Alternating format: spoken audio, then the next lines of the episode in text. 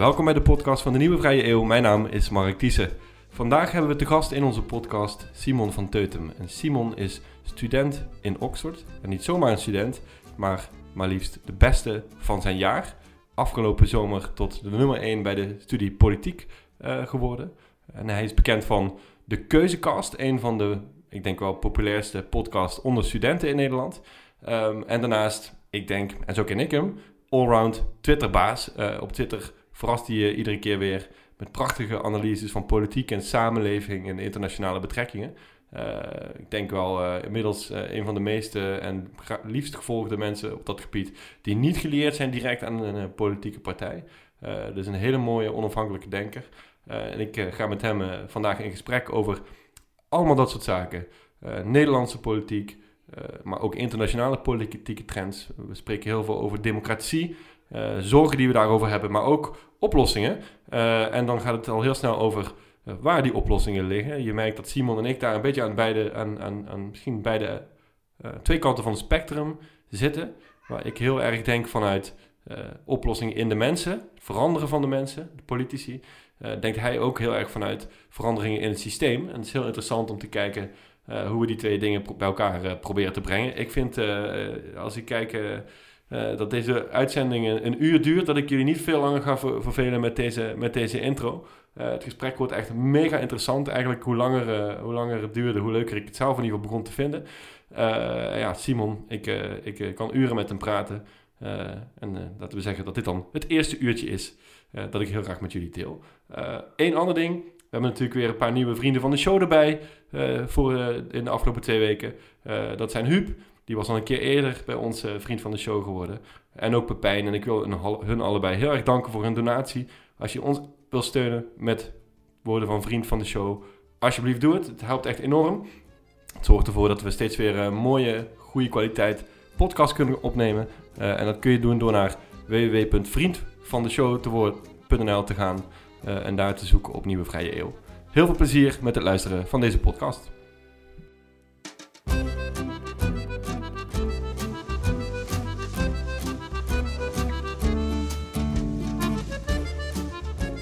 Wat leuk uh, om jou hier uh, als gast in onze podcast te hebben.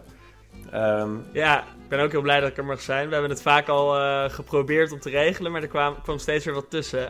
Zeker, zeker. En ik, ik ken jou van, van Twitter, waar jij enorm intelligente, doordachte draadjes vaak post. Ik, ik, zag dat je deze week ook nog eens probeerde over Ajax dat te doen. Maar over het algemeen gaat het over, over politiek en de maatschappij en Europa. Uh, ja. En ik, vond, ik, ja, ik wilde gewoon heel graag een keertje met jou over dat soort onderwerpen voor gedachten wisselen. Niet over Ajax trouwens, hè. laten we dat gewoon even parkeren. Ja, kunnen we nog wel doen als, uh, als toetje. Zeker na de, na de winst uh, gisteren. Helemaal, helemaal aan het einde, ja, precies. maar superleuk dat jij hier bent. En misschien kan je iets meer ook over jezelf vertellen. waar je woont, wat je doet, wat je interessant vindt en wat je drijft en zo.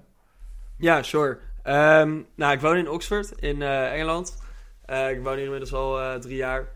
Uh, net mijn bachelor afgerond in filosofie, politicologie en economie. en ik doe nu een onderzoeksmaster van twee jaar. en dat is ook meteen een opzet naar een PhD in, naar Europese politiek en samenleving ook. dus wat dat betreft mijn studieachtergrond. ik ben helemaal niet Engels of niet Nederlands. Ik ben gewoon opgegroeid in Bunnik, een klein dorpje in de buurt van Utrecht. Twee Nederlandse ouders. Um, ja, dat is denk ik uh, kort, uh, kort het verhaal. Ja, en, en wat, uh, wat heeft jou ertoe gedreven om zo ongelooflijk actief te zijn in het publieke debat? Dat heb ik mij al een tijdje afgevraagd. En je bent, je bent nog, nog relatief jong. En normaal ben ik de jongste in de podcast. Helaas kan ik dat vandaag niet zeggen. maar je bent echt al, al een hele tijd enorm gedreven bezig met, met jouw stem laten horen over verschillende onderwerpen. En dan vraag ik me af, uh, waar komt dat vandaan? Ja, dat is een goede vraag. Uh, dat vraag ik mezelf ook wel eens af. Er zijn een paar dingen, denk ik. Ene is, uh, vanaf jongens aan ben ik altijd wel een beetje geïnteresseerd geweest in politiek. op mijn zestiende, toen weet ik nog dat ik moest voorbereiden op een profielwerkstuk. En ik heb toen een boek van Piketty, Thomas Piketty, die dikke pil, helemaal gelezen twee keer. En daar een onderzoek over geschreven. En me een beetje geïnteresseerd geworden in verdelingsvraagstukken. Maar ook een beetje van het huis uit door mijn ouders. Mijn vader die, heeft zijn hele leven bij de onderwijsvakbond gewerkt. Ehm, dus die had ook wel een politiek randje. mijn moeder was academicus, dus iets minder. Ehm, maar zij hadden altijd heel erg zoiets van: je moet je inzetten voor de maatschappij. En als puber dacht ik een beetje: oké, so what? ik ga liever voetballen. Maar ehm, uiteindelijk toen, uh, toen werd mijn pa heel ziek. En toen ben ik wat actiever gaan nadenken over hun uh, levenslessen. En uh, daarbij kwam eigenlijk heel sterk het geloof dat talenten altijd hand in hand gaan met verantwoordelijkheden. en ik had wel het idee dat ik nou, iets van talenten had als je het, op, op school en zo. En dat ik, dat ik wel een beetje kon nadenken en daar wat mee kon doen. en daar komt denk ik die diepere drive vandaan om te mengen in dat publieke debat. En om na te denken over uh, maatschappelijke en politieke vraagstukken.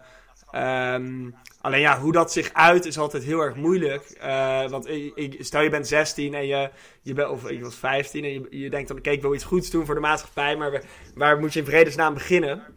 Of hoe weet je op welke manier je het beste een steentje bij kan dragen?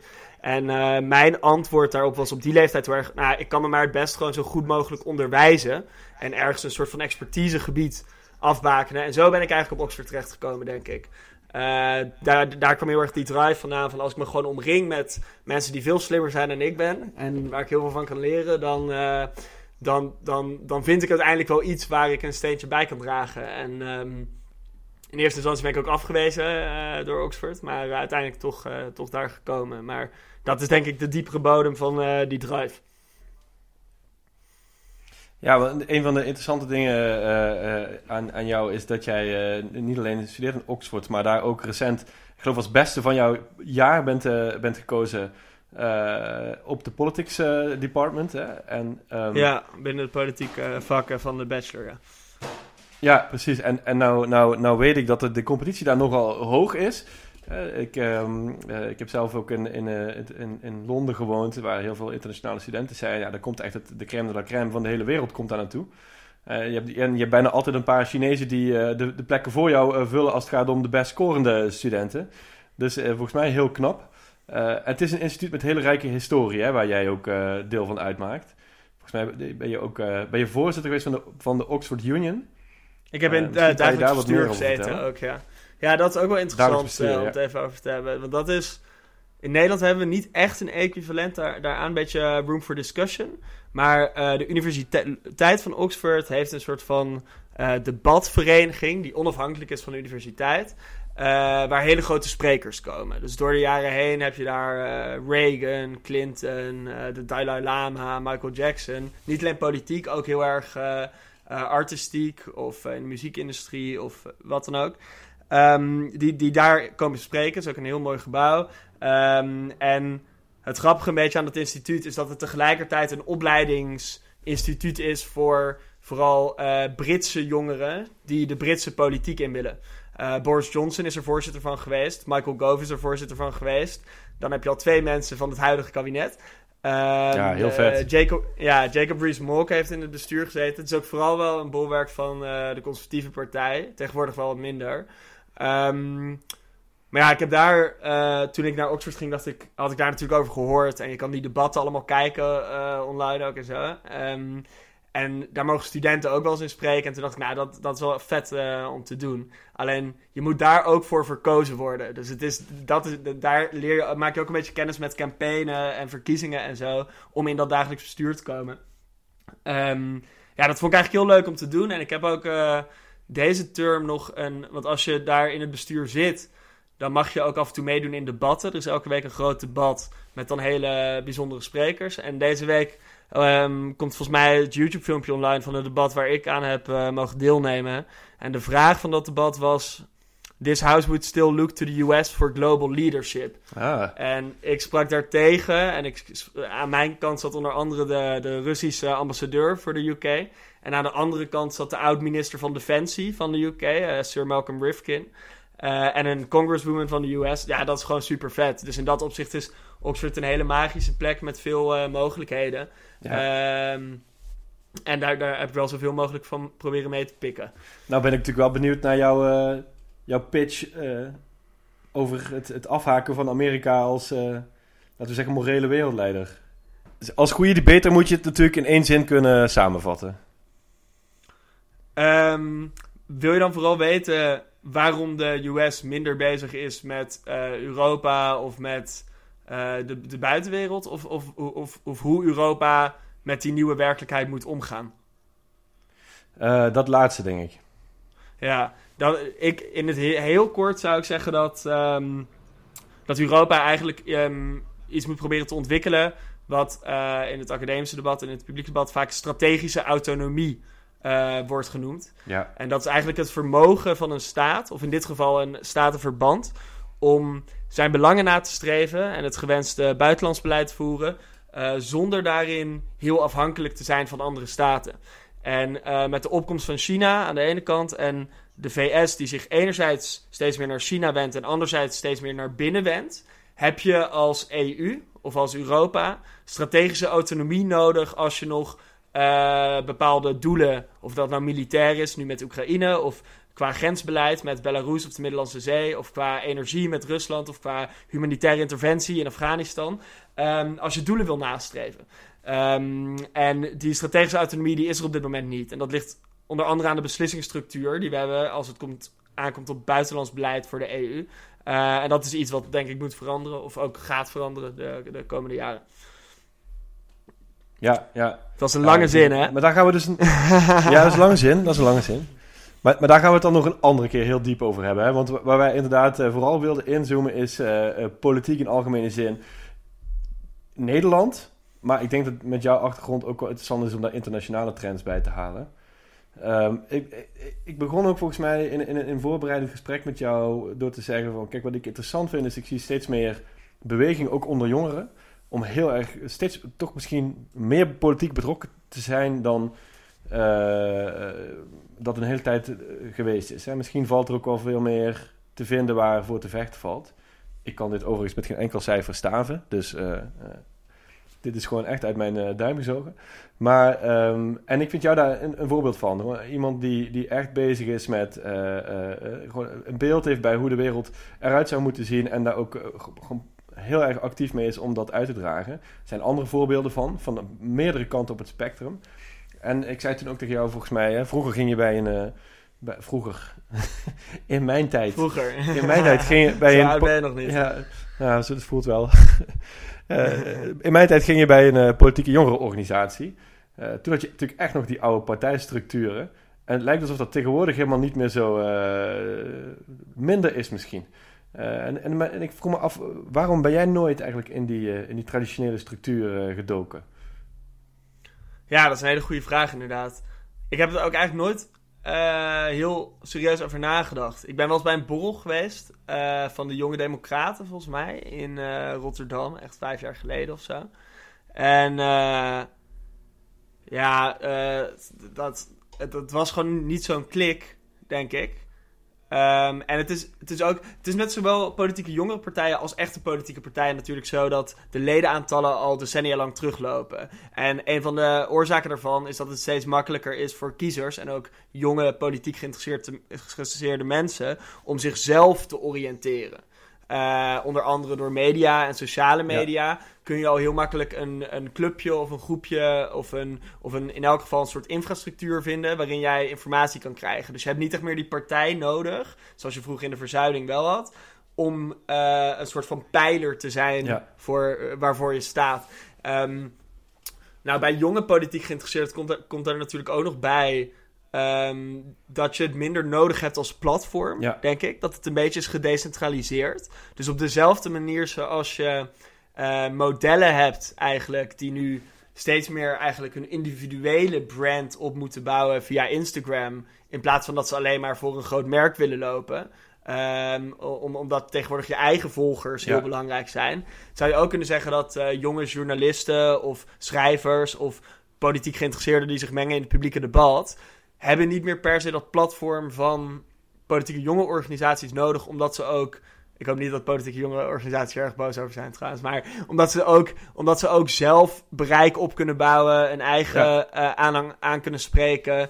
Um, maar maar op, om dat op persoonlijk vlak terug te brengen vind ik het moeilijk. Want ik weet niet, ja, ik, ik, ik denk dat toen ik eenmaal echt actief was in het publieke debat, wilde ik niet op deze leeftijd die mate van partijdigheid. Of dat nou een politieke jonge, erva uh, jonge organisatie of een uh, politieke partij betro uh, betrof. Want als je dat eenmaal hebt, dan gaan mensen alles wat jij schrijft door die lens zien. Um, en dat ondermijnt dan de boodschap die we overbrengen in, in sommige gevallen. En ik denk dat uh, ik ben pas net begonnen, weet je, met uh, stukjes schrijven en ik kom net kijken. Als je, als, als je dan al alles door een bepaalde filter wordt gezien, dan heeft dat denk ik uh, meer nadelen dan voordelen. Ja, dat klopt. En, en, en dat, dat wat je zegt over platform is natuurlijk helemaal waar. Hè? Als je kijkt naar het platform dat, dat de voorzitters van jongere organisaties nu hebben, is, is waarschijnlijk kleiner dan het platform dat, dat jij voor jezelf gemaakt hebt. en iemand als Sander van der Kraan en nog anderen die ook heel actief zijn. Eh, die hebben dat gewoon in principe zelf eh, gecreëerd. Terwijl, eh, ja, je, je, hoeft niet per se meer voorzitter van, de, van een jongere organisatie te zijn om op de radio uitgenodigd te worden. Hè? Dat, dat, dat is eigenlijk helemaal niet meer. Vroeger was dat bijna automatisch dat als er een discussie was over politiek en jongeren, werden de jongere organisaties gebeld. En tegenwoordig is dat helemaal niet meer nodig misschien. Nou, dat is nee, dat zie je heel goed bij dat programma van BNR. Die doen, dat heet BNR Breekt. Uh, daar nodigen ze, ze hebben ook een soort van pool van jongeren waaruit ze pikken. Uh, en dan heb je inderdaad soms nog wel voorzitters van jongeren, politieke jongere organisaties, maar ook veel mensen zonder uh, partijaffiliatie. Dus ja, Sander van der Kraan is een goed voorbeeld. Tammy Schoots is ook een goed voorbeeld. die zit er ook best wel vaak. Ik heb er zelf ook wel eens gezeten. Um, maar ja, het, is minder belangrijk. Ik zie dat ook niet echt als een probleem of een obstakel of, of überhaupt iets heel relevants in um, in, in hoe in Nederland beleid wordt gemaakt om met jongeren om wordt gegaan. Zolang er maar kanalen zijn waardoor jongeren wel uh, mee kunnen doen aan het publieke debat. En als, als, uh, volgens mij is het eerder een, een uh, volgens mij is het eerder een signaal dat er nu meer kanalen zijn om dat te doen. Dan, dan, dat een, dan dat het grootste kanaal gewoon zwakker is geworden. Of dat een belangrijk kanaal gewoon zwakker is geworden. Dus in die zin is het positief, ja. misschien. Ja, wat ik wel interessant vind, en ik weet niet of dat één op één met, elkaar dan te, uh, mee te maken heeft, is dat je natuurlijk wel een trend ziet waarin de traditionele partijen eigenlijk uh, steeds irrelevanter worden of zo. En, en, bij sommige partijen wordt zelfs gezegd, hè, bij CDA PvdA, dat ze de meeste stemmen verliezen aan het kerkhof. Hè. Zitten dus met name de oudere generaties. En de, de jongere generaties verspreiden zich over het hele spectrum. Uh, en dat vind ik een, dat is een heel interessante ontwikkeling. Waar, waar je zeg maar ja, toch enige stabiliteit hebt gehaald altijd uit die traditionele partijen. Over tien jaar, ja, wat zou er nog van over zijn? Hè? Bestaat het CDA nog? Of PvdA? Uh, of VVD? Dat, dat, ik denk dat VVD in dezelfde soort fase ingaat. Uh, ja. we, zullen, we zullen zien. Ja, het is een beetje een stuart, denk ik, nog van ontzuiling ook inderdaad. Dat dat... En, en dus dat ook dat mensen zich zelf kunnen oriënteren dat ze niet meer die partij per se nodig hebben.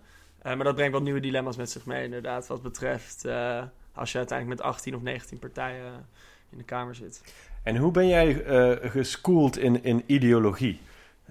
voel jij jezelf tot een bepaalde ideologie aangetrokken? Of is het meer onderdelen van verschillende kanten die jij, waarvan jij zegt dat is echt iets waar ik mij in thuis voel?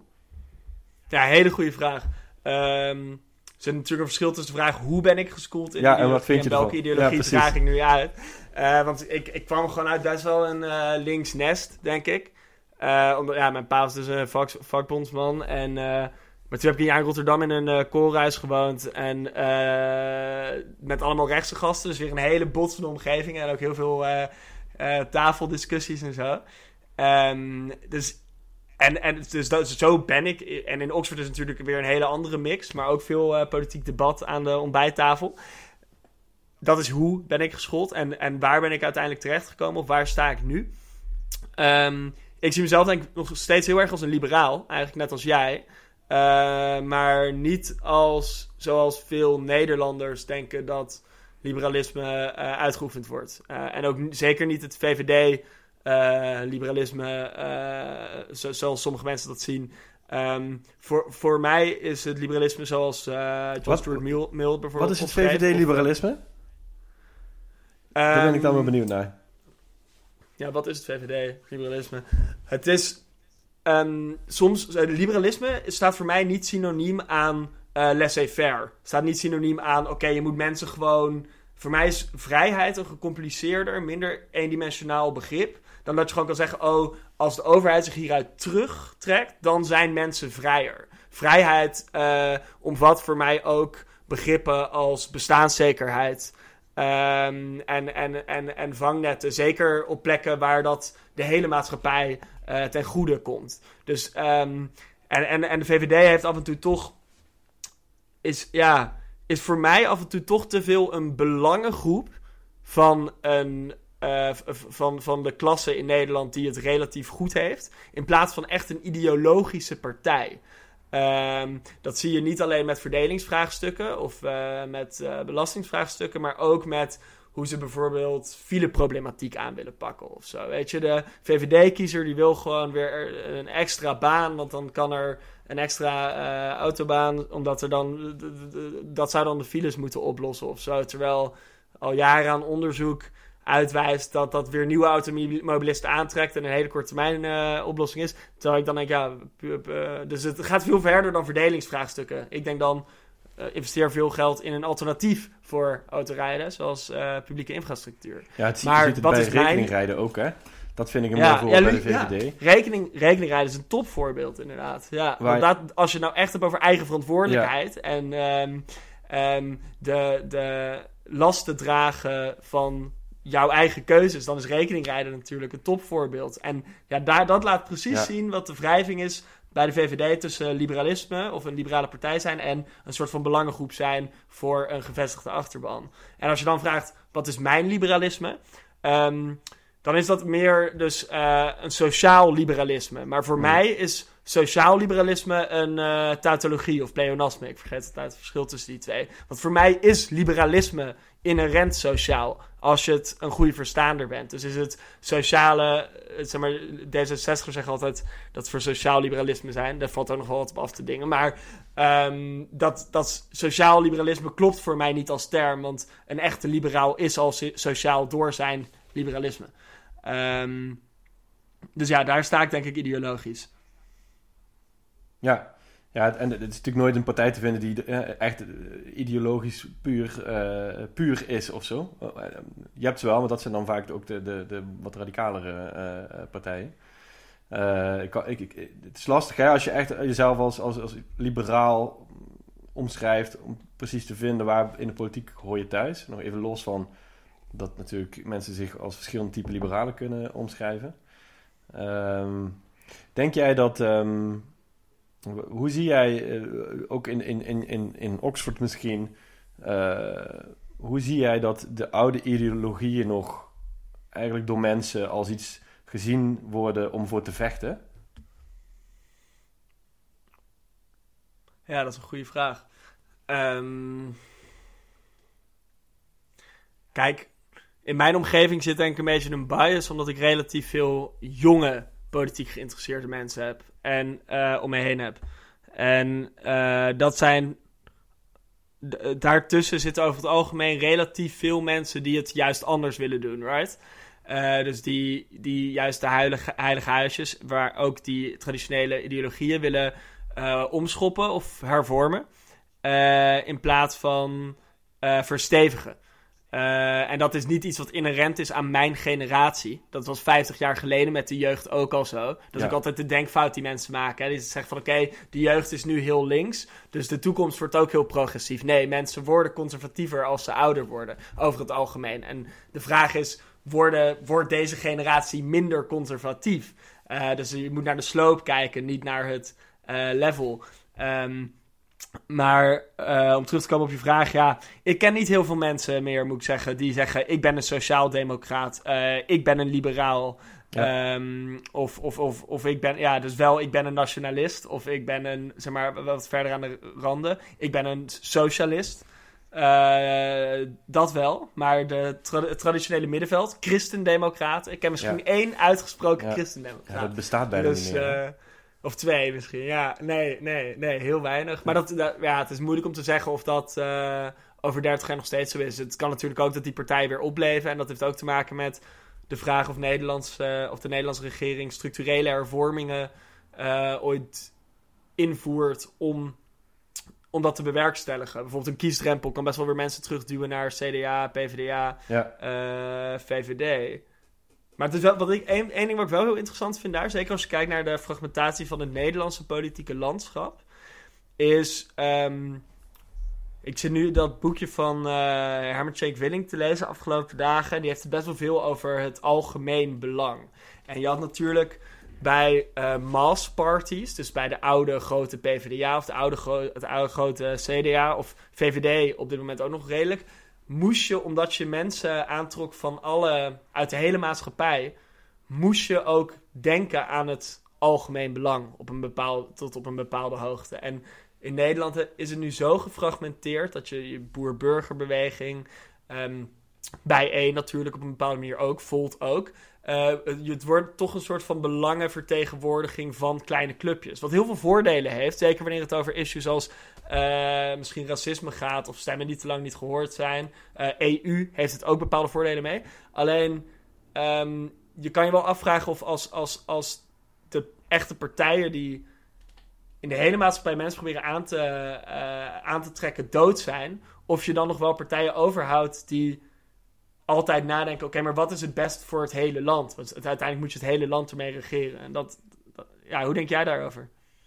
Ja, ik vind dat best wel lastig, omdat je hebt een soort van eh, afweging tussen eh, vertegenwoordiging, wat echt helemaal...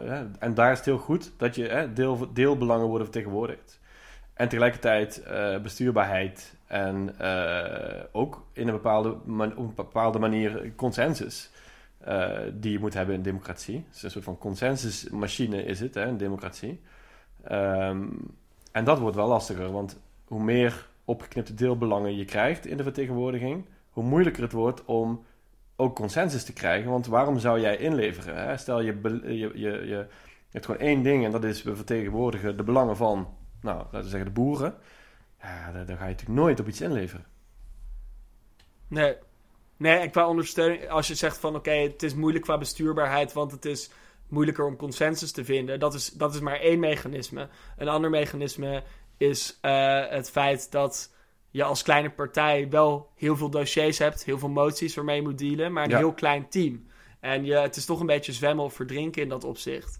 Eh, een emeritus hoogleraar schreef laatst, Joop van den Berg volgens mij, eh, iets van, van de motie of het amendement die niet meer om het beleid effectief te beïnvloeden, maar om het eigen Ja. standpunt te markeren. Ja, En eh, ja, je krijgt wel een soort van verkruimelde kamer met expressive politics. ja. En ook als dat voor vertegenwoordiging goed is, kun je je na een bepaald moment of eh, achter een bepaalde drempel wel afvragen: eh, moeten we niet toch een soort kiesdrempel hebben om het land bestuurbaar te houden? ja. Daar gaat het ook eigenlijk heel weinig over als je het mij vraagt. Het is Eh, getuigenispolitiek, hè? het Dat is een mooi Nederlands woord voor eh, die, eh, wat je net noemt. Ja, het gaat om de ja, getuigenis en niet om ja, het resultaat. Ja, en, en die kiesdrempel, ik vind dat wel, want jij zegt eigenlijk, misschien moeten we denken over een hogere kiesdrempel. Ja, maar ik, ik ben daar wel een heel erg gespleten persoonlijkheid in. Want ik denk, als ik nu naar de Kamer kijk en afgelopen, of sinds de laatste verkiezingen, dan zie ik heel veel voordelen in vertegenwoordiging van eh, sommige partijen. Zeg maar, Volt zet EU best wel op de kaart. Ehm, nou ja, iemand als eh, Caroline van der Plas eh, geeft ook mensen een stem die voorheen misschien niet stemden. Ehm, en bij één ken ik ook best wel mensen die echt zeggen van dat ze daar zelf voor dat hele Black Lives Matter debat eigenlijk altijd een beetje eh, lacherig over deden of weet ik veel wat. En ook, ook ehm, mensen van kleur zelf, die, die eigenlijk zeiden van... Ja, met, toen, toen dat een groter ding werd, ook in Nederland... en dat materialiseerde met Sylvana in de politiek... eh Sylvana Simons in de politiek... zijn ze daar soms ook zelf op gaan reflecteren... en kwam daar ook heel veel naar boven... eh, ook heel positief of, of kritisch reflecterend naar hun eigen omgang met hun achtergrond of hun eigen kritiek op de Nederlandse omgang met hun achtergrond. Dus ik zie hele concrete grote voordelen.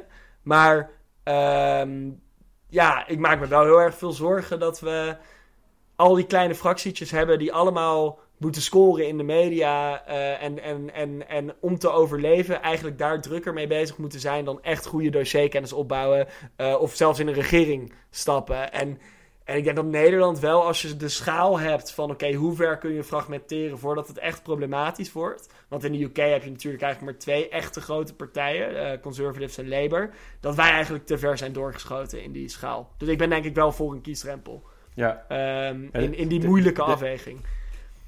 Ja, dat klopt. De, ik word ook steeds wantrouwiger van mensen die zeg maar zwart-witte mening hebben. Dat was ik zelf vroeger. Maar, uh, maar hoe was jij dat dan vroeger? Nee, ja, ik wou zwart-wit. Gewoon lekker, uh, bedoel, uh, de, de, de testosteron gierde door je, je lichaam. En dan is het ofwel je, je bent het met me eens, ofwel je bent een loser. ja. Maar ik ben inmiddels iets, iets, iets rustiger geworden of zo. En dan, en dan, zeker bij dit soort onderwerpen, ja, dus, dus een voor en een tegen. Dat is gewoon zo, weet je. En, en, en wat betreft die, die kiesdrempel, vind ik, ja... Kijk, ik vind het belangrijk om... Ten eerste, is, er, er is een kiesdrempel. Het is niet zo dat als ik uh, mij verkiesbaar zet en er stemmen vier mensen uit Maastricht op mij, dat ik in de Tweede Kamer kom. Uh, moet ik, ik, moet aardig wat uh, stemmen halen voordat ik erin kom. Dus die is er. Hè? Dus, dus de vraag is, moet die hoger zijn? Ehm, ja, ik kijk dan bijvoorbeeld naar landen waar minder partijen zijn. Is ja. het daar beter? Ja, niet per se, hè? in Amerika, in, in Groot-Brittannië heb je eigenlijk twee of iets meer dan twee partijen die vertegenwoordigd zijn in het parlement.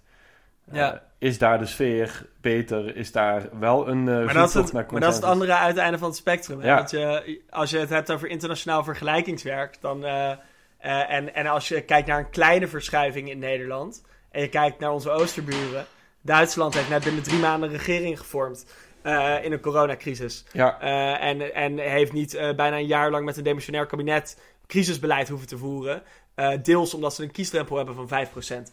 Uh, eh, dus dat is, zeg maar in principe, ja, het is, het is inderdaad heel lastig, zeker met internationale vergelijkingen. En, uh, maar, maar ik denk wel dat er echt wel aantoonbare merit of verdienste is voor een kiesdrempel. ook omdat het niet zo'n radicale maatregel is dat Nederland meteen een Verenigd Koninkrijk wordt of een Verenigde Staten wordt, maar eerder een Duitsland. Ja, ja, ik, ik, ik, denk als ik onderaan de streep dat ik denk dat er echt wel, zeker in de Nederlandse situatie, op een gegeven moment iets meer, uh, iets hogere kiesdrempel bij moet. Met name vanuit bestuurbaarheid, want dat is gewoon niet meer te doen op een gegeven moment. Uh, maar het zijn, weet je, het zijn allemaal geen, uh, geen wondermiddelen, hè, dat soort maatregelen. Ik nee. zit zelf steeds meer op het idee, en, en, dan komen we denk ik ook op het hoofdonderwerp waar jij ook, steeds, waar je ook heel vaak over, over, over schrijft. Um, hè, dat het meer gaat over normen dan over systemen en regels in, in de democratie. Ik heb het idee dat, dat de trends overal hetzelfde zijn. Uh, wat de precieze regels ook zijn, of je nou een lage kiesdrempel of een hoge kiesdrempel, of dat je nou een, uh, een, een hoe, zeg je dat, vertegenwoordiging per district hebt of, of, of met lijsten. Ja, proportioneel. De trends ja. zie je overal. En, en de oorzaken zullen ook overal ongeveer hetzelfde zijn. En dat kan je dus bijna niet wegnemen met het veranderen van, van het spel of van de regels van het spel. Maar door de deelnemers van het spel, zeg maar, uh, iets meer vanuit bepaalde normen te laten acteren, die misschien wat meer naar de achtergrond zijn verdwenen. Misschien is Cenk Willing daar een, go een, goed voorbeeld van. Hè? Ja. Iemand die, die misschien uit een generatie komt waarbij wel de normen, de ongeschreven normen vaak, heel belangrijk waren. Terwijl ze tegenwoordig gebroken worden. Als ja. er maar een beetje profijt voor je in zit, breek je de norm. Ja, en dat is, dat is gevaarlijk.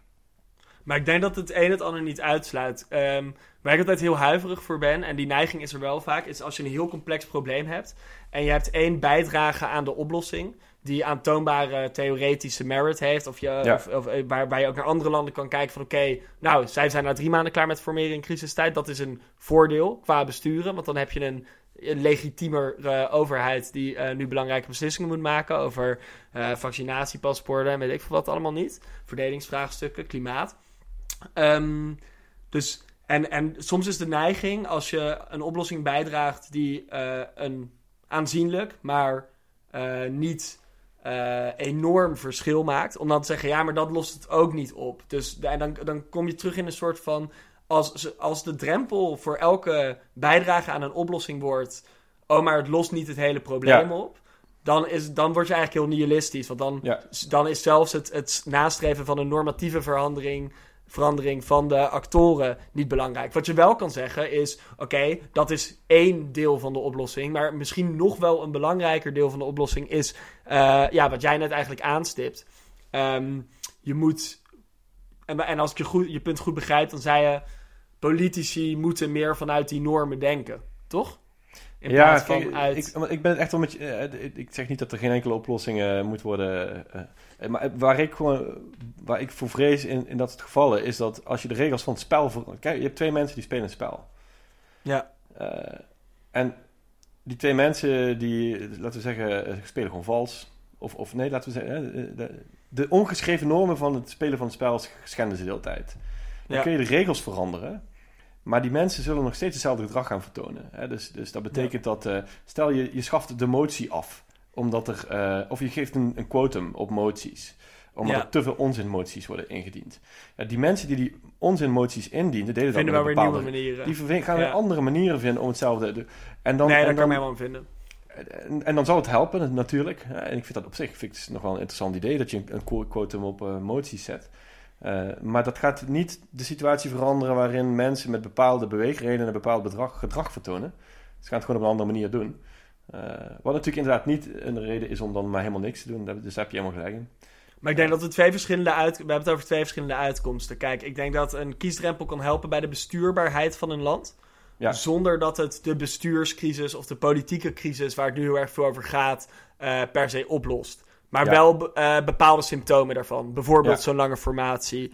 Um, uh, en het tweede ding is, en daar, dat stip jij nu aan. Ja, om, als je het hebt over die bestuurscrisis of die politieke crisis. En daarvoor is het misschien even goed als jij ook je mooie zaterdagsessay in het NRC even samenvat van een paar weken geleden. Wat is die bestuurscrisis eigenlijk? Wat is die politieke crisis eigenlijk? Maar dat vereist, ben ik helemaal met je eens, veel meer Um, dan, dan, dan in zo'n regelverandering. Dus laten we, dat, laten we dat even gaan afpellen. Ja. Maar begin jij eerst even met... Wat, wat heb jij in het NRC geschreven een paar weken terug? Wat is een bestuurscrisis? Uh, ga jij mij nou interviewen? Ja, dat toch een beetje de, de habitat. ja, precies. Ja. Je moet natuurlijk nog even noemen dat je ook een eigen podcast hebt. Uh. Ja, ja. De keuzekast. We houden het dynamisch. Ja, ja, precies. Um, ja, mijn stuk ging eigenlijk over wat we net ook aanstipten. Dat, uh, wat ik, uh, gewoon even heel snel, je ziet veel kritiek op bestuurscultuur. Dat is natuurlijk automatisch, gaat het over Mark Rutte en over de VVD en over iets breder gezien het kabinet. Maar ik zie dat veel breder. Ik denk dat, dat, dat alles wat daar verkeerd gaat, zonder iets goed te praten, hè, dat je dat moet zien in de context van gedrag van andere groepen in diezelfde omgeving. Uh, dus dus uh, um, journalisten, oppositiepartijen, Tweede Kamer, ehm, misschien ook lobby, ik weet niet. Er zijn gewoon in die bubbel zijn veel groepen actief en die hebben een bepaalde dynamiek. En als er in de ene groep echt iets verkeerd gaat, dan, dan zul je zien dat er in die andere groepen ook iets verkeerd gegaan is. Want die reageren op elkaar. gewoon simpel gezegd, waarom, waarom zullen ministers defensief gedrag vertonen, wat misschien wel normen overschrijdt? Dat doen ze door, om zichzelf te verdedigen. Ja, dan hebben ze blijkbaar ergens het gevoel gehad dat, dat, dat het nodig is om zichzelf te verdedigen. Dus als je die bestuurscultuur wil veranderen, moet je kijken naar een bredere politieke cultuur waar, bepaald, waar bepaald gedrag vertoond wordt, omdat er bepaalde prikkels zijn uh, die aanleiding geven tot dat soort dingen. En um, ja, een van die dingen, eh, en, en ik vind het dus heel moeilijk juist om, om echt systeemwijzigingen te bedenken die dat helemaal zouden oplossen. Misschien zijn hè, je kan natuurlijk wel delen oplossen. Uh, en ik denk dat het heel erg zit in het gedrag van mensen. En hoe we dat kunnen beter maken. En dat zit dan in die normen. Hè? Dus uh, een van de beste boeken die ik heb gelezen, misschien heb jij dat bij, bij jouw uh, studie ook wel voorbij zien komen, over democratie en waar we in zitten nu, heet How Democracies Die, van twee Amerikaanse ah. politieke wetenschappers. En, um, en zij zeggen ook, kijk, als je een democratie hebt, dat is eigenlijk valt of staat bij het handhaven van een aantal normen die niet opgeschreven zijn. Uh, en als je ook ziet waar de grote overschrijdingen zitten, waar het fout gaat, zit het niet in dat partijen of politici regels overtreden in de democratie, maar omdat ze normen aan het, uh, aan het veranderen zijn. Uh, dus niemand houdt jou in principe tegen om in een Tweede Kamer te gaan zeggen dat een collega schuldig is aan genocide. Dat is altijd een norm dat je dat niet deed. En die wordt overschreden. En in, in de Verenigde Staten zie je dat heel erg. En um, een van de dingen uit dat, dat boek, wat ik echt onthouden heb, wat ik heel interessant vind, is dat zij zeggen: in een uh, democratie heb je wat zij noemen constitutional restraint no nodig. Uh, en daar bedoelen ze mee dat ook al heb je de middelen tot je beschikking om bepaald gedrag te vertonen, bijvoorbeeld een onzinmotie indienen, je moet de discipline hebben om het niet te doen. Dus eigenlijk een terughoudendheid in het gebruiken van de middelen die je hebt om je zin door te drijven of om aandacht uh, te krijgen. En daar zit volgens mij het probleem. Uh, en dat is natuurlijk heel moeilijk, want dat betekent dat je de mensen moet gaan veranderen. En dat is veel lastiger dan de regels veranderen. Uh, maar dat is wel waar ik het probleem zie. ik zit dan na te denken, weet je, en, en ook bij politieke wetenschap, wat jij, wat jij zelf ook natuurlijk uh, als geen ander uh, vanaf, vanaf waarschijnlijk de oudheid hebt, hebt, hebt, bestudeerd. Heel veel van die dingen over democratie, laten we zeggen de tijden van de Grieken, gaan ook over, eigenlijk over deugden en normen die politici moeten hebben. En daar hebben we het bijna nooit meer over. En misschien is dat het onderdeel wat mist. Heel lang verhaal. Ik zou het kort houden. Nee, ik, nee, nee, nee. Ik, ik, vind het een heel uh, prettig, prettig verhaal juist. Ik wil wel voordat we dan in, uh, erin duiken we, hoe we die normen moeten veranderen. Of aan wel, welke spelers daar relevant ja. voor zijn. Of waar, waar de oplossing kan vinden. Zou ik dan nog wel willen zeggen, dus binnen dat voorbeeld van die, van die moties. Of um, van dat, dat uh, betichten van genocide in een parlement. Ik, ik, in mijn hoofd zijn, uh, uh, is het uitdragen van of hoe die normen uiteindelijk uitgedragen worden en hoe het systeem um, qua regels is ingesteld, zijn dat niet twee compleet losse velden, maar is daar een soort overlap is waar die twee elkaar ook met elkaar verbonden zijn. Uh, en ik denk dat een goed voorbeeld daar dus van is, als je kijkt naar een, een als we het nog heel even over de kiesdrempel hebben, ja. over die verdomde kiesdrempel. Ja, dat is het um, Ja, precies, maar dat is, het, het is een heel goed voorbeeld denk ik, want Kijk, stel wij zijn een uh, kleine partij. Hè? Wij, wij, of jij gaat met Meuten, ga je nadenken voor Volt. Uh, van oké, okay, wat, wat kunnen wij het beste doen? We hebben hele beperkte middelen, hele kleine ondersteuning. Um, hoe gaan we media-aandacht genereren? Of uh, hoe gaan we plannen maken of dossierkennis opbouwen? Um, als je weinig ondersteuning hebt, dat is dus ook een, een, een regelmatige ja. of, of, een, een regelkeuze van hoeveel middelen geven we elke partij, net als die kiesdrempel. Um, je bent een kleine partij en je hebt weinig ondersteuning. En je moet nagaan denken van oké, hoe zorgen we dat we bij de volgende verkiezingen weer genoeg zetels hebben om een grotere impact te maken. Um, ja, als je weinig middelen hebt en, en, en dus ook uh, veel van die kleine partijtjes naast elkaar hebt in een systeem zonder een kiesdrempel, dan is de prikkel, um, gegeven jouw normen, zelfs als je goede normen ja. hebt, is de prikkel zoveel ja. sterker om gewoon kabaal te maken of grote claims te maken. In plaats van inhoudelijk echt goed bezig te gaan met beleid. En, en dat bedoel ik denk ik te zeggen als ik zeg dat um, die normen, die worden ook voor een deel vormgegeven door het systeem. Dat ja. wil ik heel kort nog even afdingen daarop. Maar laten we vanaf daar springen naar het gesprek. Oké, okay, stel we willen die normen veranderen. Waar moeten we dan kijken naar partijen, naar individuele politici? Moeten we dan ja. kijken naar uh, ja, ook naar wat jij zegt. naar het parlement? Ook naar ja. wat jij zegt. De, namelijk de prikkels waardoor mensen eigenlijk beloond worden om dat normen, uh, normoverschrijdend gedrag uh, te vertonen. Dat is wel degelijk heel belangrijk. Hè? En, en misschien zit het inderdaad voor een groot deel daar. Maar waar zitten die, als je, dus als je kijkt naar oké, okay, uh, de oorzaak van een slechte bestuurscultuur, van een slechte politieke cultuur, um, uh, bestaat uit een heel veld aan prikkels. Een deeltje daarvan is reglementair, direct of indirect. Uh, kiesdrempel, ondersteuning Tweede Kamerleden. Waar zijn, een deel van daar komt misschien ook wel uit bestuursleden zelf. Uh, misschien heb je ook wel een paar rotte appels. Als je het hebt over weglakken van stukken en um, nou, het hele omzichtverhaal eigenlijk. Maar als je het hebt van oké, hoe kunnen we die normen veel beter uitdragen? Of een normatievere politieke cultuur hebben, op, in positieve zin. Waar zie jij dan de grootste ruimte voor verbetering? Um, en dan bedoel je dan op de prikkels of op de mensen, zeg maar? Ja, alle, het is moeilijk het te vervagen. Mag allebei, mag vervaagd, allebei. Hè? Ja. Het, het, gaat in elkaar over, denk ik. Ja. Kijk, mensen worden... Ik denk dat politici beloond worden voor, de verkeer, voor, voor verkeerd gedrag. Ja. Uh, en dat dat voor een groot deel te wijten is aan mediacultuur. Uh, niet alleen cultuur, maar ook gewoon... Waar we eigenlijk het gesprek mee begonnen. Media is gewoon totaal anders tegenwoordig dan dat ooit was in een democratisch eh, tijdperk. Hè. Dus, dus eh, we nemen het veel sneller tot ons. We, we, we, we oordelen misschien ook sneller. Een, een, goed voorbeeld vond ik, ehm, en ik, ik, ga daar geen stevige mening over uh, geven, omdat ik Mag wel, hoor. gewoon niet goed weet wat ik ervan moet vinden. Maar we zagen laatst dat debat met Okje Tellige als, als voorzitter van een bepaalde Kamercommissie ja. in een debat. En wat volledig ontspoorde, omdat uh, Savannah Simons zich uh, op een of andere manier, ik weet niet wat precies gezegd is, um, soort van bedreigd voelde door iets wat een ander Kamerlid zei, met de microfoons uit, terwijl een derde Kamerlid aan het woord was. En daar werd heel heftig op gereageerd, online ook. Okje Tellige werd vol, volkomen kapot gemaakt eigenlijk. Uh, en even los van het oordeel, want ik wil daar juist niet eigenlijk over hebben. Was het de schuld van die, was het de schuld van die? Ja. Wat daar bijvoorbeeld niet aan de orde komt, is de context waarin zoiets gebeurt. En de context is heel simpel.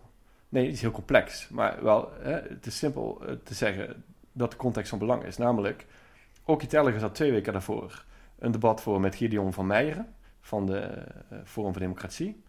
Um, wat volledig uit de klauwen liep, omdat ze niet streng genoeg ingreep. Vervolgens is dat nog een paar keer gebeurd. En in de Kamer is natuurlijk op een gegeven moment zelfs door Caroline van der Plas een debat aangevraagd over hoe gaan we met elkaar om. Uh, dat is de context waarin er een reactie komt van een voorzitter van het debat die zo kan zijn. En dan kan ze iets wel of niet gehoord hebben en overreactie zijn of wat dan ook, maar dat is wel de context. En die wordt ja. volledig weggelaten. En dat is wel. Dan ga je iemand die helemaal niet uh, de, de intentie had om iets slechts te doen, of wat, die waarschijnlijk dacht: dit is wat er van mij verwacht wordt, gaat ja. daarvoor gestraft worden. Terwijl anderen uh, uh, daar vervolgens weer hè, op Twitter of waar dan ook likejes mee gaan scoren, aandacht mee krijgen. En dat is natuurlijk eigenlijk, ja, dat is precies wat, wat er voor mij verkeerd is. Maar dat, dat staat ergens op los, denk ik, van, de, van die mediacultuur. Want dit is, of nou, ergens niet. Kijk, je zou kunnen zeggen, op sociale media uh, maken mensen minder snel de veronderstelling dat uh, andere mensen, bestuurders of kamerleden of voorzitters, goede bedoelingen hebben. Ja. Uh, er zijn mensen harder in hun oordeel. daar ben ik het met je over eens, denk ik. Maar ik, ik, weet niet in hoeverre dat een drijvende kracht is voor pervers gedrag. Ja. Um, en, en, ik, en ik denk op zich ook dat ergens is natuurlijk heel positief dat op sociale media burgers zich direct mengen met dat publieke debat. En ook direct soms harde kritiek daarop kunnen uiten. Uh, en, en ik vind dat je daar ook als Kamerlid of als um, bestuurder ook wel een, een beetje een. Op, op gewoon inhoudelijke kritiek. Hè? Een, een, een, een laagje, dan moet je tegen bestendig zijn, denk ik. Maar een, an, een ander vraagstuk, wat hier uh, wel nauw mee verbonden is, is denk ik dat. Um, media over het algemeen sneller extreme opzoeken. Uh, en, en, en dat dat verkeerde prikkels biedt aan, uh, ja, of het nou een kleine partij is of een Kamerlid of weet ik veel wat. Um, en dat heeft denk ik te maken, maar dat is, uh, niet, dat is een hypothese, dat, is misschien, dat kan ook niet zo zijn. Maar deels in elk geval met het feit dat door de digitalisering van heel veel nieuwsmedia kliks veel leidender zijn geworden dan uh, abonnees. Ik ben Ja. op menig uh, krantredactie geweest of uh, online mediumredactie in Nederland. En op verschillende plekken heb ik zo'n bord zien hangen met de artikelen die, waar, op dat moment het meeste op geklikt worden. Nou, als er zo'n bord Ja. hangt op jouw redactie Ja. en jij bent redacteur, dan eh, ga je dat mee laten wegen in wat jij gaat schrijven. Alleen het type stukken dat mensen nalaat denken over NRC of Volkskrant of Trouw. Als, oh, dat is een goede kwalitatieve krant. Of dat is een krant waar ik een abonnement van eh, wil. Hangt niet per se samen met ehm, de vraag of mensen klikken op een bepaald stuk. Want je klikt vaak omdat je nieuwsgierig bent. En wanneer ben je nieuwsgierig? Omdat als er iets extreems gebeurt of iets heftigs gebeurt. Of als het over iets polariserends gaat. Ehm, en, en, en, en volgens mij is het door de, deels door die verschuiving van focus puur op abonnees naar eh, kliks. Ook omdat het nu zo inzichtelijk is. Zowel in televisie als in eh, kranten, als in andere vormen van media. Volgens mij is dat een hele structurele drijvende kracht achter het belonen van het verkeerde gedrag van politici. En je zei eerder van, oh, Ja. maar het gebeurt toch in alle landen? Dus als je de regeltjes eh, ja, twist dan, dan gaat dat ook niet het veranderen als in andere landen met andere regels nog steeds. Uh, ja, dat je nog steeds in een gepolariseerdere wereld leeft dan uh, twintig jaar geleden. Of in een harder publiek debat. Met alle nadelen van dien. Um, dit is nou een punt waarvan ik denk: dit is, een, dit is volgens mij een internationale ontwikkeling die je overal ziet. Ik bedoel, volgens mij las ik afgelopen week dat CNN 75% van hun viewers heeft verloren. Omdat uh, Trump, sinds Trump is afgetreden in dit jaar. Ja, nou ja dan de, de prikkels staan er dan altijd. Ja, ze hebben elkaar nodig inderdaad. In een soort van houtgreep. En, en, en, en als je dan hebt over, over normen en over individuele verantwoordelijkheden, dan moeten we daar denk ik veel kritischer zijn op um, ja, nieuwsmedia. Uh, op op, op uh, mensen, op, op platforms die ervoor kiezen om drie keer achter elkaar Rutte en Wilders, Rutte versus Wilders uit te zenden. In een, in een politiek systeem dat zo gefragmenteerd is, zowel in de peilingen als in de vorige verkiezingen. Om drie keer te kiezen voor die één op één strijd, omdat dat lekker wringt of zo. Uh, dan moeten we heel kritisch zijn op grote Nederlandse kranten. Die toen Willem Engel net op aan het komen was, een heel groot profiel daarvan gingen schetsen. En heel uitgebreid en, en, ja, niet extreem kritisch altijd. Um, verslag daarvan gingen doen. Want de drijfveer daarvan is heel vaak niet. Oh, we willen mensen zo goed mogelijk informeren. Want dat derde Wilders-debat had helemaal geen toegevoegde waarde. Sterker nog, al die drie debatten tussen Rutte en Wilders hebben we al tien keer gezien de afgelopen tien jaar. Um, in, in andere bewoordingen. Um, maar, maar, maar Nederlandse nieuwsmedia en internationale nieuwsmedia, nieuwsmedia moeten zich veel meer bewust zijn van wij zijn de lens waardoor veel mensen naar de politiek en naar het bestuur kijken. En als wij dingen als kliks leidend laten zijn in het afstellen van die lens, dan heeft dat hele grote materiële gevolgen. Ehm, dus ik denk dat dat groter is dan hoe mensen op social media reageren op een Telegram of op een Sylvana Simons. Uh, maar dat dat, dat dat echt heel structureel is. En zit dat dan ook... Uh, kijk, zou jij, zou jij aanpassingen willen doen in uh, sociaal... In, in, in, laten we zeggen... Zou je willen... Uh, zou je regel, regelgeving willen rondom sociale media? En wat daar... vind je dat sociale media een te negatieve invloed hebben op al deze dingen die wij ook net noemen? Ik denk dat dat betrekking heeft tot een ander probleem. Kijk, we hebben het tot nu toe gehad over uh, oké, kleine partijen versus kiesdrempel. We hebben het gehad over ondersteuning van Tweede Kamerleden. We hebben het nu gehad over um, uh, ja, klikjeskapitalisme. De prikkels van grote nieuwsmedia om harder te leunen naar uh, het verkrijgen van kliks door extreme stemmen uit te lichten. En het vierde, een vierde interessant punt is: hoe trek je.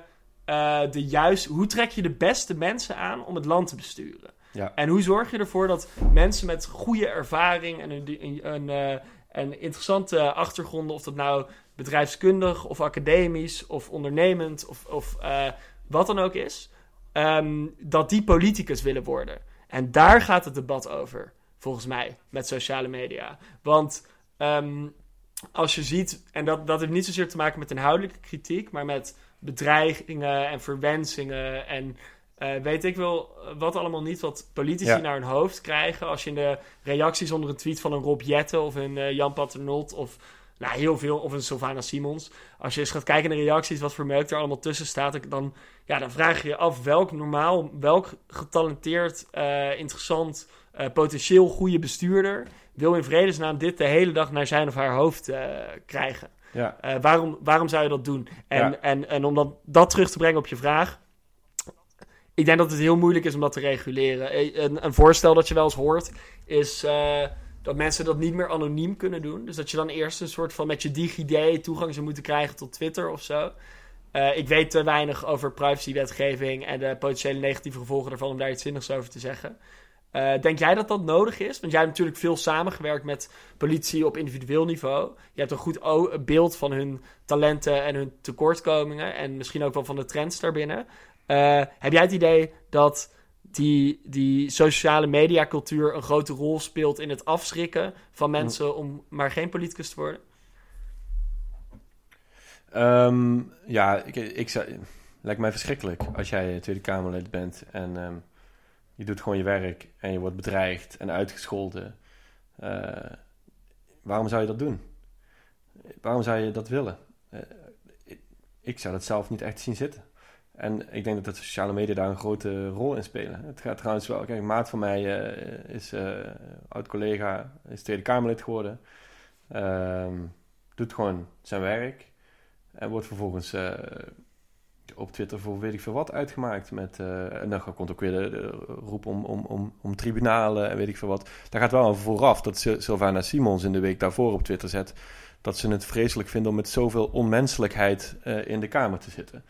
Uh, dus ook dat wordt wel weer ook, ge, hoe zeg je dat? Dat spel wordt soms ook een beetje gespeeld door politici. Ja, en dan, en dan vervolg, volgt daar natuurlijk op dat er bedreigingen en weet ik veel wat allemaal binnenkomen. Um, ik denk dat dat, ja, waarom zou je dat doen als, als, als uh, iemand met een gezin of, of überhaupt zin in het leven? om dat maar, uh, om bewust ervoor te kiezen dat dat je, je dag wordt.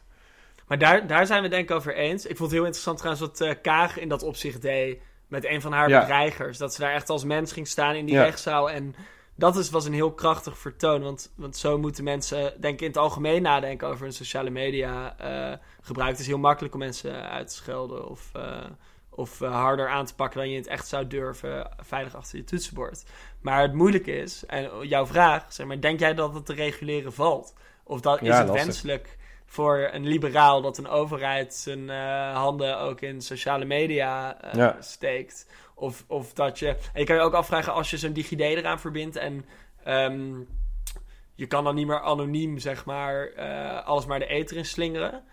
Uh, wat voor effect heeft dat op klokkenluiders? En als je het hebt over ja, radicale groepen of ehm, bedreigingen, vinden die niet gewoon nieuwe manieren om, uh, om, om dat te doen? En dat, is, dat, zijn, dat zijn wel lastige vraagstukken.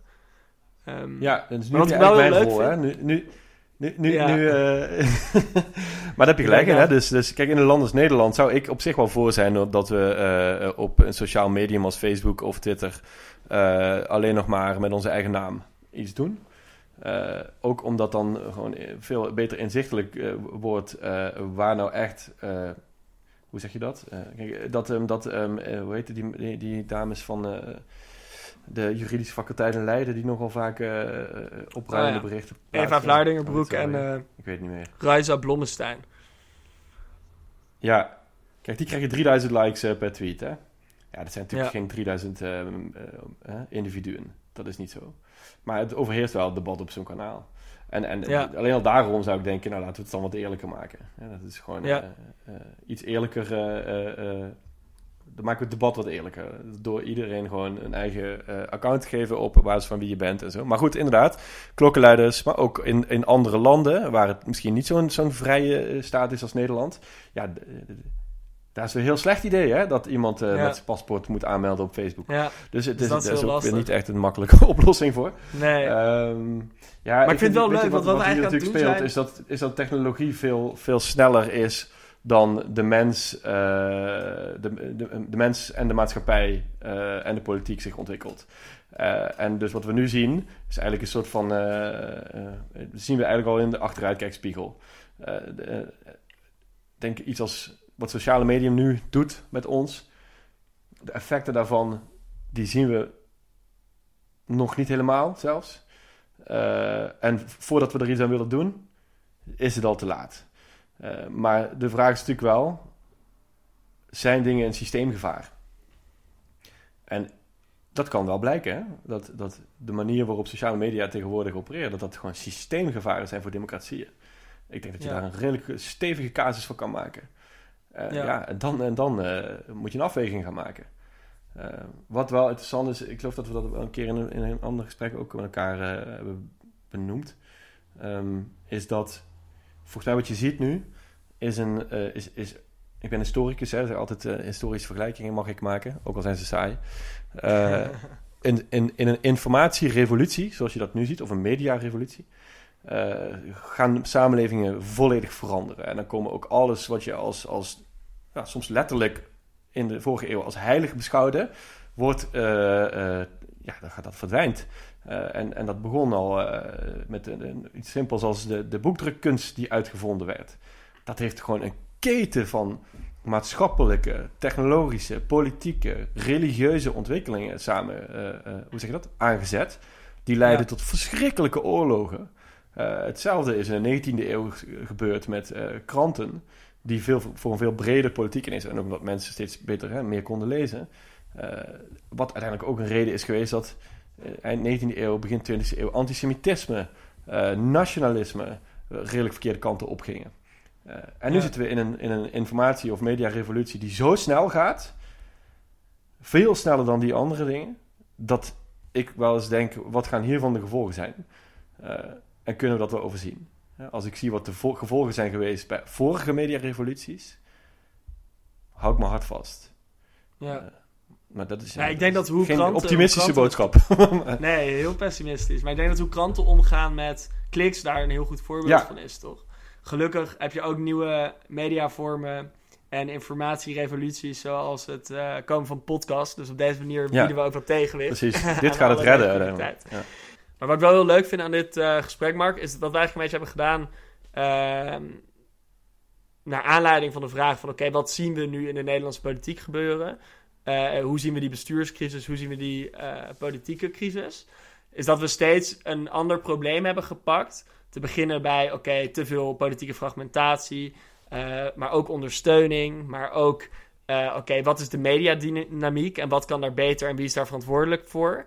Ehm, maar ook waar we het net over hadden. Oké, hoe moeten we sociale media wel of niet reguleren om het beroep van politicus aantrekkelijk te maken en mensen met de juiste normen daar ook misschien eh, naartoe te trekken. Hebben we, al die problemen hebben we afgepeld en hebben we gekeken oké, ligt hier een potentiële oplossing? En volgens mij is de, draad door al die problemen en oplossingen heen, is toch ook waar we op een andere manier mee begonnen. Namelijk, geen van die dingen gaat in zijn eentje genoeg zijn om de bestuurscultuur of de politieke cultuur van Nederland eh, utopisch te maken. Maar al die discussies en stappen zijn wel nodig om hem beter te maken. En Ja. ik denk dat dat toch ook wel een optimistische boodschap is eh, hier binnen. Het enige wat ik me nog wel afvraag, want ik denk dat jij al bijna wel af wil ronden, is jij benadrukte dat het meest fundamentele toch wel was het- de normen van politici zelf. Wat, wat moeten politieke partijen volgens jou doen om die normen te, vorm te geven op een manier die wenselijk is voor het Nederlands bestuur? Ja. Ja, dat, dat hangt ook weer met al die dingen samen die we net, eh, denk ik, ehm, aangestipt hebben. Dus wat voor een mensen laat je politicus zijn? In Nederland vind ik, je kan bijna zeggen dat politici niet echt gekozen worden, maar dat ze opgeleid worden. Hè? Want we hebben hier geen systeem waarbij politici daadwerkelijk door het aantal stemmen dat ze krijgen, op een, op een paar na, in de Tweede Kamer komen. Ze komen in de Tweede Kamer omdat ze op een lijst gezet zijn, op een bepaalde plek door hun partij. En omdat ze daarvoor dus in een opleidingstraject eh, of lokaal eh, bepaalde dingen hebben laten zien en geleerd hebben die hun die plek hebben gegeven. Eh, daar in de selectie kan je dus al proberen stappen te zetten. Hè? En, en een van de dingen, dat stond ook in mijn NSC-stuk trouwens, is dat eh, politici volgens mij opgeleid worden om op een podium te staan. Ja. En, en dan krijg je natuurlijk ook mensen die eh, alles gaan gebruiken als een podium. Dus dan is het ambt Tweede Kamerlid is, is belangrijk omdat het een podium is.